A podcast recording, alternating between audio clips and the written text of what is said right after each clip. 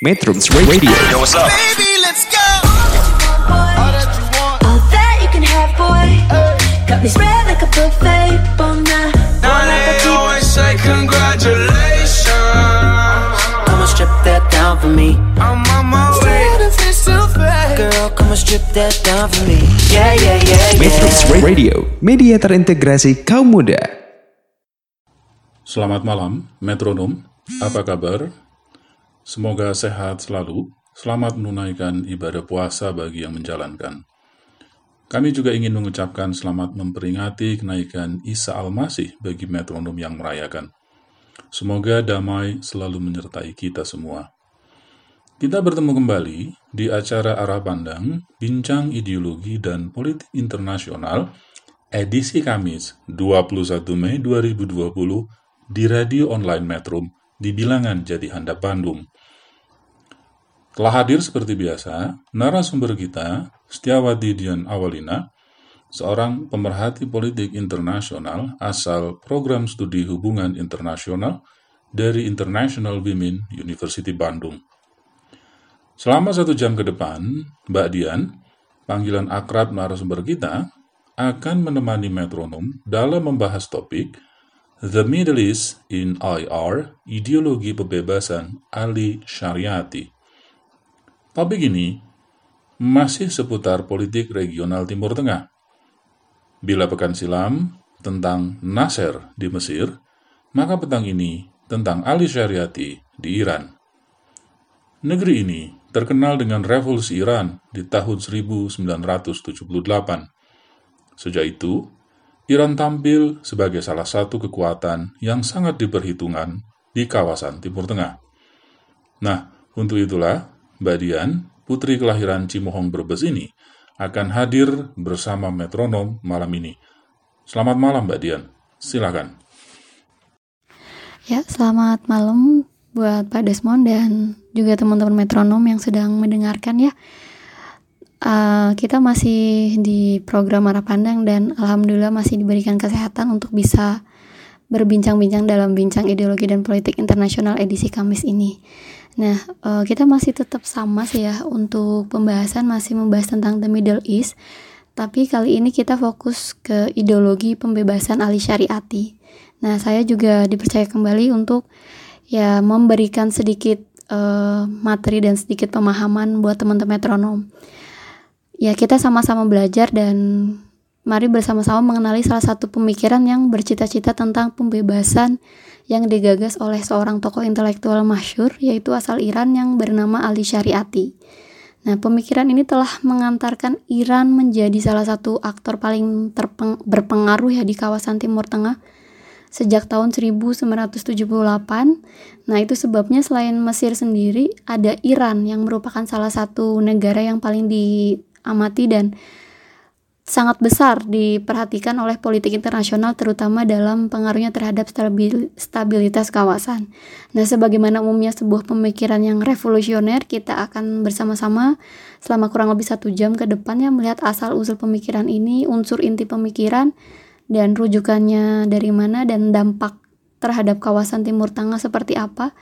Nah, perlu saya sampaikan juga di awal bahwa sebagian isi informasi yang disampaikan di sini merujuk pada sebuah buku yaitu Menyandra Timur Tengah karya dari Riza Sihbudi. Nah, seorang pakar politik Timur Tengah dan juga sejumlah buku lain tentang HI di Timur Tengah seperti Fred Haliday, Barry Busan, Ana Gonzalez dan juga Kai Hafiz.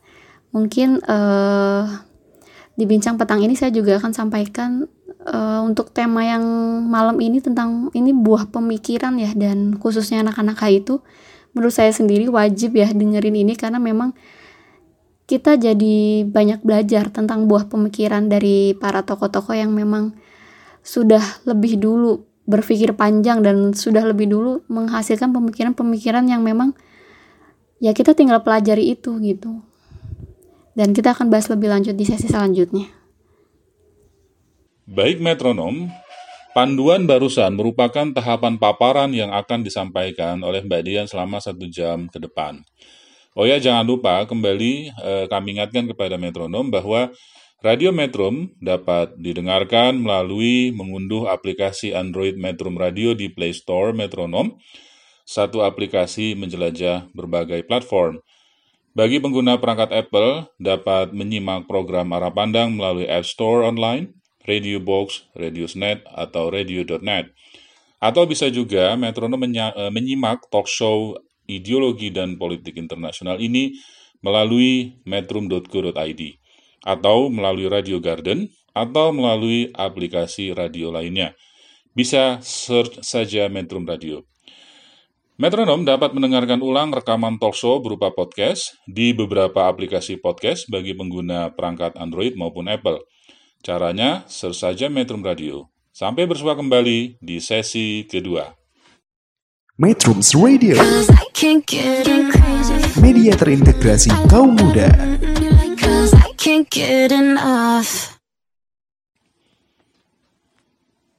Metronom, saat ini kita telah berada di sesi kedua. Sesuai yang disampaikan tadi oleh Mbak Dian, metronom akan diperkenalkan terlebih dahulu siapa sebenarnya sosok Ali Syariati itu. Mengenali pemikiran seorang tokoh, mau tidak mau harus didahului dengan mengenal pribadi sosok itu dulu. Dengan begitu, antara sosok tokoh dan pemikirannya dapat diketahui secara komprehensif. Silahkan Mbak Dian. Ya, eh, pertama-tama tentu paling awal kita perlu mengenal ya siapa pelopor ideologi pembebasan di Iran ini. Nah, namanya Ali Syariati. Ia dilahirkan di Kahak di tahun 1933 dan beliau meninggal di Inggris di tahun 1977. Memang masih cukup muda, beliau sudah meninggal. Nah, Ali Syariati ini lebih populer dikenal sebagai seorang sosiolog. Pemikirannya yang sangat revolusioner dan di luar jangkauan zaman pada waktu itu, sehingga di Iran terkenal dan juga sangat dihormati. Nah, sebagian besar-besar karyanya yang berpengaruh adalah di bidang sosiolog agama. Bahkan sampai ini eh, tidak berlebihan rasanya kalau misalkan publik di Timur Tengah mengenalnya selain sebagai cendekiawan di Iran termasyur di abad ke-20 ya, tapi juga disebut sebagai ideolog yang memang melapangkan jalan peristiwa revolusi Iran 40 tahun lalu. Untuk Ali Syariati ini usia sekolahnya yang alumni alumni di pendidikan keguruan di Iran. Nah, telah terpengaruh oleh lingkungan di mana sebagian besar berasal dari golongan ekonomi bawah. Di sekolah ini pula Ali Syariati mendapat pengalaman yang memang tidak terlupakan soal kemiskinan akibat beban hidup di Iran dan juga di sisi lain di sekolah ini pula pemikiran filsafat dan politik mulai dikenal dan bersentuhan dengan Ali Syariati. Nah, persentuhan itu antara mempengaruhi pemikirannya dan mendorongnya untuk merumuskan sebuah solusi bagi masalah masyarakat muslim di Iran. Nah, solusi itu lahir dari pemikirannya yang memahami pemikiran Islam dari sudut pandang sosiolog dan filsafat modern. Mengetahui sosok Ali Syariati yang pernah mengenyam pendidikan di sebuah sekolah keguruan, terus terang saja membuat saya teringat akan sosok di tanah air yang juga terkenal memiliki pemikiran yang revolusioner, yaitu Tan Malaka. Mungkin metronom pernah mendengar nama Tan Malaka? Ya, tokoh ini diketahui sebagai alumni sebuah sekolah pendidikan keguruan di masa Hindia Belanda juga. Baik Mbak Dian, lalu bagaimana kisah selanjutnya Ali Syariati ini? Ya, Ali Syariati mengenyam pendidikan yang baik dan gelar sarjananya diraih di Universitas Masad, ya lalu gelar pasca sarjananya di Universitas Paris. Nah, Ali Syariati ini juga meraih gelar doktor di bidang filsafat dan sosiolog di tahun 1964 ya. Saya sendiri saya selalu kagum dengan isanya orang atau tokoh yang memang sangat menguasai dengan filsafat karena memang itu menurut saya sulit ya. Jadi saya selalu kagum dengan beliau-beliau yang selalu bisa um, melihat sesuatu dari sudut pandang filsafat. Nah, setelah lulus Ali Syariati pulang ke Iran, begitu tiba di tanah air, Ali Syariati berususan dengan hukum nasional Iran. Nah, atas tuduhan keterlibatannya dalam politik di Prancis, pemerintah Iran waktu itu menangkap Ali Syariati. Nah, setelah nyaris setahun mendekam di balik jeruji dan di tahun 1965, Ali Syariati dibebaskan. Nah, di Universitas Masyad ini tempat alma maternya dulu ia mengajar karena pemikirannya ia menjadi populer dan di kalangan mahasiswa. Akibatnya ia kembali ditangkap dan malah juga dilarang mengajar. Nah, alhasil Ali Syariati ini pindah. Ia kemudian mengajar di Institut uh, ya. Hal serupa juga di Universitas Masyad. Terulang lagi nih di sini. Ia kembali populer di sini yang tertarik bukan hanya mahasiswa, tapi juga lebih luas ke segala kalangan. Luar biasa sekali Ali Syariati ini. Nah, konsekuensinya pemerintah Iran kembali terusik dan memutuskan menangkapnya. Akan tetapi, berkat opini internasional yang sukses menekan pemerintah Iran, pada waktu itu Ali Syariati akhirnya hanya perlu menjalani masa penjaranya yang uh, kedua hanya sekitar 18 bulan di tahun 1975. Ali Syariati dibebaskan bersyarat yakni dilarang keras mengajar, menerbitkan, mengadakan pertemuan dan terus-menerus diawasi oleh uh, keamanan negara pada waktu itu. Upaya membungkam pemikiran di mana pun selalu berujung sama saya rasa, yaitu hilangnya kebebasan berpendapat sesuatu yang sangat berharga. Lalu, apa respon Ali Syariati kala itu terhadap semua bentuk larangan yang diterbitkan oleh pemerintah Shah Reza Pahlavi yang mungkin sangat khawatir dengan perkembangan pemikiran Ali Syariati? Ya, bagi seorang pemikir untuk seorang Ali Syariati ya tentu saja semua larangan itu sama saja dengan mematikan pemikirannya. Nah, akhirnya Ali Syariati menolak dan memutuskan hijrah ke Inggris. Tiga minggu kemudian, pada 19 Juni 1977, akhirnya Syariati meninggal dunia di Inggris dan masih ada perdebatan kontroversi kemungkinan ia dibunuh meninggalnya seperti apa ya karena keluarga dari Ali Syariati sendiri menolak untuk otopsi terhadap jenazah Ali Syariati. Nah, bahkan sampai saat ini penyebab kematiannya masih kontroversial ya. Walaupun sebetulnya sudah ada info resmi yang menyatakan serangan jantung adalah penyebab dari kematian Ali Syariati. Nah, Ali Syariati ini dimakamkan di Suriah dan ia dijuluki sebagai mujahid sekaligus pendiri dari maktab baru nih. Namun ya siapa yang membunuh masih menjadi misteri ya sampai saat ini kita masih belum tahu seperti apa atau memang betul serangan jantung atau memang ada hal-hal yang lain ya. Nah, meski Ali Syariat ini telah mendahului dan tetapi pemikirannya itu tetap abadi ya dan malah dianggap sebagai pemimpin filosofis paling berpengaruh dari Iran dan pada masa sebelum peristiwa peristiwa revolusi Iran pada waktu itu. Baik metronom, baru saja Ali Syariati sosoknya sudah diperkenalkan oleh Mbak Dian. Uh, jangan ke mana-mana yang setelah yang satu ini. Sampai berjumpa di sesi ketiga dengan Mbak Dian yang akan memperkenalkan lebih jauh pokok-pokok pemikiran Ali Syariati. Metrums Radio Media terintegrasi kaum muda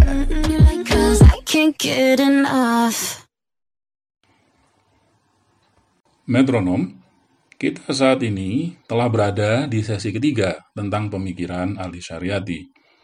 Apa saja pokok-pokok pemikiran Ali Syariati kala itu? Mbak Dian akan memperkenalkannya kepada kita semua. Silakan, Mbak Dian.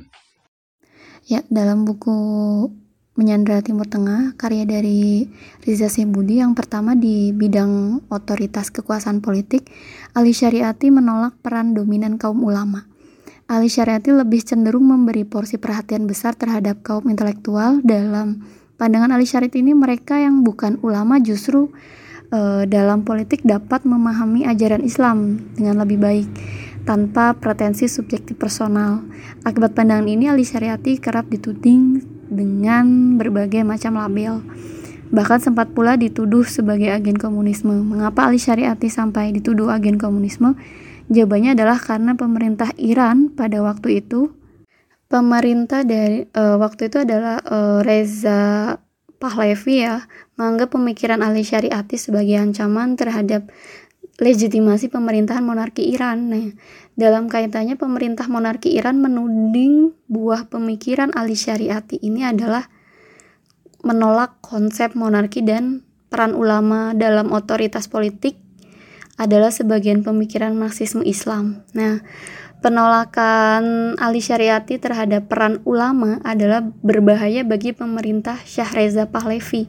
Maka dari itu, eh, saat itu legitimasi politik pemerintah Syah Reza Pahlavi salah satunya didukung oleh peran ulama di sekitar lingkungan pemerintahan dari Syah Reza Pahlavi. Nah, kekhawatiran pemerintah Syah Reza Pahlavi itu makin jelas terhadap uh, setelah kematian dari Ali Syariati. Nah, di luar dugaan pub publik mungkin ya, pemerintah ini yang awalnya tak menyukai pemerintah Ali Syariati menerbitkan obituari sebuah buku yang berisi pemikiran-pemikiran dari Ali Syariati itu sendiri.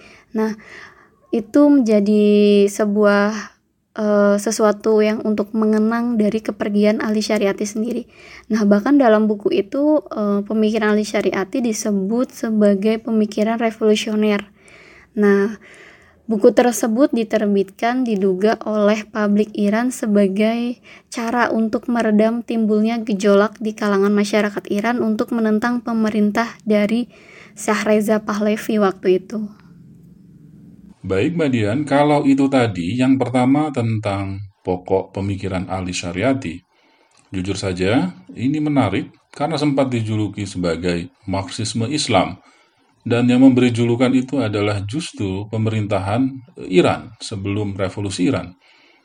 Saya jadi ingin tahu selanjutnya yang kedua apa ya? Silakan Mbak. Ya, sekarang yang kedua dalam buku Menyandra Timur Tengah karya Riza Sihbudi. Ali Syariati menyebut Nabi Muhammad SAW sebagai pembebas umat manusia dan pemimpin umat tertindas. Ya, pemikiran ini memang paling dianggap uh, revolusioner ya, karena dalam pandangan Ali Syariati seluruh nabi dan rasul menjalankan peranannya untuk bangkit dan menentang tirani di setiap masa kenabian. Nah, seluruh nabi dan rasul berpihak pada kaum yang tertindas di zamannya. Poin lain juga penting uh, dalam pemikiran Ali Syariati bahwa para nabi adalah orang-orang yang lahir dari uh, tengah masa kemudian mendapat kesadaran dan kesadaran itu uh, mereka sanggup mengubah masyarakat yang korup dan beku menjadi kekuatan yang bergejolak dan kreatif. Nah, yang pada gilirannya nanti muncul uh, peradaban, kebudayaan baru yang lebih baik. Nah, selanjutnya menurut Ali Syariati juga para nabi datang bukan sekedar mengajarkan zikir dan doa, melainkan datang dengan suatu ideologi pembebasan. Lebih jauh lagi, Ali Syariati mengatakan Tuhan mengirimkan nabi untuk membangun suatu umat yang akan berada dalam revolusi yang permanen. Nah, emang uh, sudah cukup ngeri ya kalau misalkan kita bahas ini. Nah, menegakkan keadilan sosial, persaudaraan kemanusiaan, dan memperjuangkan masyarakat tanpa kelas di mana cara-cara produksi akan menjadi milik umum bukan lagi monopoli kelompok elit tertentu. Nah, Ali Syariati ini, Syariati ini mencontohkan kisah uh, Habil dan Kabil sebagai simbol relasi produksi antar kelas. Menurut dari Ali Syariati sendiri, Habil adalah lambang kaum tertindas, sementara itu Kabil adalah sebagai lambang para penindas. Nah, kelompok yang diwakili Habil adalah kelompok taklukan dan tertindas, yaitu rakyat yang sepanjang sejarah dibantai dan juga diperbudak oleh sistem kabil. Nah, e, rakyat yang maka dari itu sistem hak milik individu yang memperoleh kemenangan dalam masyarakat, peperangan antara Kabil dan juga Habil mencerminkan suatu pertempuran sejarah abadi yang memang telah berlangsung uh, setiap generasi ya. Panji-panji Kabil senantiasa dikibarkan oleh penguasa dan hasrat untuk menebus darah Habil telah diwarisi oleh generasi keturunan-keturunannya tentunya. Nah, rakyat tertindas yang telah berjuang untuk keadilan, kemerdekaan, dan juga kepercayaan teguh pada suatu perjuangan yang terus berlanjut di setiap zaman. Metronom, demikian pokok-pokok pemikiran Ali Syariati yang barusan dijelaskan oleh Mbak Dian pada sesi ketiga. Banyak sekali hal baru yang saya pahami tentang pemikiran Ali Syariati dalam pandangan Islam dan sosialisme. Jangan ke mana-mana setelah yang satu ini, sampai berjumpa di sesi keempat dengan Mbak Dian masih dengan pemikiran Ali Syariati. Metrums Radio Media terintegrasi kaum muda Metronom, kita kini telah berada di sesi penghujung acara. Sesi keempat tentang pemikiran Ali Syariati di Iran. Mbak Dian, bagaimana sebenarnya Ali Syariati memandang Islam dalam pemikirannya ini? Silakan, Mbak. Ya, kita masuk di sesi terakhir ya dalam buku Menyandra Timur Tengah karya Riza Budi. Ali Syariati juga menyebut ada dua perspektif Islam, yakni Islam tentang ideologi dan juga Islam tentang budaya. Nah, Islam sebagai ideologi dibentuk oleh Abu Zar dan juga Islam sebagai budaya dibentuk oleh Ibnu Sina. Nah, Islam sebagai ideologi melahirkan mujahid pe atau pejuang e, dalam menegakkan agama Allah. Sedangkan Islam sebagai budaya melahirkan mujahid seperti ulama. Nah, kaum intelektual membentuk Islam sebagai ideologi. Nah, ulama membentuk Islam sebagai budaya. Jadi eh, bagi ahli syariati, masyarakat Islam sejati tidak mengenal kelas. Wadah bagi orang-orang yang tercabut haknya, yang tersiksa, lapar, tertindas, dan juga dibedakan. Nah, pesan Islam dalam eh, kerakyatan dari Tuhan yang telah menjanjikan kepada orang-orang yang tertindas bahwa mereka akan menjadi pemimpin-pemimpin umat manusia. Tuhan telah menjanjikan kepada orang-orang tertindas bahwa mereka akan mewarisi bumi dari orang-orang yang berkuasa. Nah, ahli syariat ini sangat percaya bahwa Quran diturunkan untuk membebaskan manusia dari penindasan, tekanan, aristokrasi, kata ikatan juga e, ras nasib dan juga itikat yang buruk ya tentunya. Jadi suatu kebodohan dan keterbelakangan ini ya kita sama-sama berjuang memerangi ini gitu. Saya bertanya-tanya apakah Ali Syariati melalui pemikirannya ini bertujuan mirip dengan pemikiran Nasir dulu ketika melawan tirani kolonialisme internasional di negaranya di Timur Tengah? Ya, dalam buku Menyandra Timur Tengah karya Riza Sibudi juga Ali Syariati menolak bersikap taklid buta terhadap Barat. Ia mengatakan, Mari kawan, mari kita campakkan Eropa. Mari kita hentikan peniruan atas Eropa yang memabukkan ini Mari kita tinggalkan Eropa yang selalu membicarakan kemanusiaan tetapi merusak manusia di mana pun adanya. Ali Syarati menggabungkan pengutukan terhadap imperialisme barat dengan sosialisme Islam. Tujuannya adalah persatuan dan juga identitas nasional serta keadilan sosial ekonomi bagi Iran yang tengah dicengkram oleh imperialisme dunia pada waktu itu. Nah, termasuk juga perusahaan multinasional dan imperialisme kultural, rasisme, juga eksploitasi kelas, penindasan kelas, perbedaan kelas, dan taklid terhadap Barat. Seperti pada umumnya, pertanyaan yang muncul adalah, ini adalah paling mendasar, bagaimana menjelaskan sebuah pemikiran dapat bertransformasi menjadi sebuah pergerakan yang terorganisir, khususnya dalam kasus pemikiran Ali Syariati di Iran ini. Silakan, Mbak. Ya, kita sampai di perbincangan dampak dari pemikiran Ali Syariati secara umum terhadap terjadinya revolusi Iran dapat dikategorikan menjadi dua. Yang pertama adalah pengaruh pemikiran dari Ali Syariati dan yang kedua adalah peran kelompok yang terpengaruh oleh ide dari Ali Syariati. Nah, yang pertama, pemikiran Ali Syariati ini di bidang sosial politik maupun keagamaan yang dikenal radikal ya dan revolusioner bahkan untuk ukuran negara dan bangsa Iran pada masa itu terutama pada periode 1965 sampai 1977 yang bisa disebut sebagai masa-masa produktif Ali Syariati.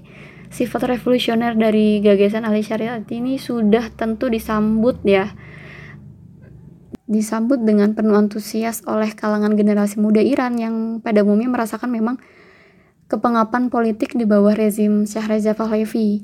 Nah, yang kedua adalah peranan dari sejumlah kelompok atau organisasi politik maupun tokoh-tokoh ide-idenya yang dipengaruhi oleh Ali Syariati ini atau paling tidak bersinggungan dengan ide-ide Ali Syariati dalam revolusi Islam Iran itu sendiri. Nah, di antaranya ada kelompok Mujahid Khalq dan juga gerakan pembebasan Iran serta tokoh-tokoh semacam Abul Hasan Bani maupun mereka yang sering dikategorikan sebagai kaum nasionalis liberal. Nah, dua hal ini uh, yang diyakini menjadi pihak telah menggerakkan revolusi Iran sehingga mengubah secara fundamental tatanan Iran hingga kini dan tampil menjadi sebuah kekuatan paling berpengaruh di kawasan. Nah, demikian yang bisa disampaikan dalam program arah pandang malam ini tentang ideologi pembebasan ahli syariati. Menurut menurut saya uh, kita sama-sama belajar dan buat teman-teman metronom ya kita harus terus belajar dan tentunya kita uh, mendapat sebuah pelajaran yang baru ya ketika kita memahami sebuah buah pemikiran. Uh, ini menjadi sebuah landasan kita untuk terus belajar dan bisa memahami kondisi situasi yang memang kita bisa belajar dari masa lampau. Kita berkaca di masa lampau dan kita juga melihat situasi yang sekarang untuk bisa melihat mana nilai-nilai memang bisa kita ambil dan mana yang bisa kita gunakan untuk tentunya untuk dunia yang lebih baik dan untuk masa depan generasi yang lebih baik ya.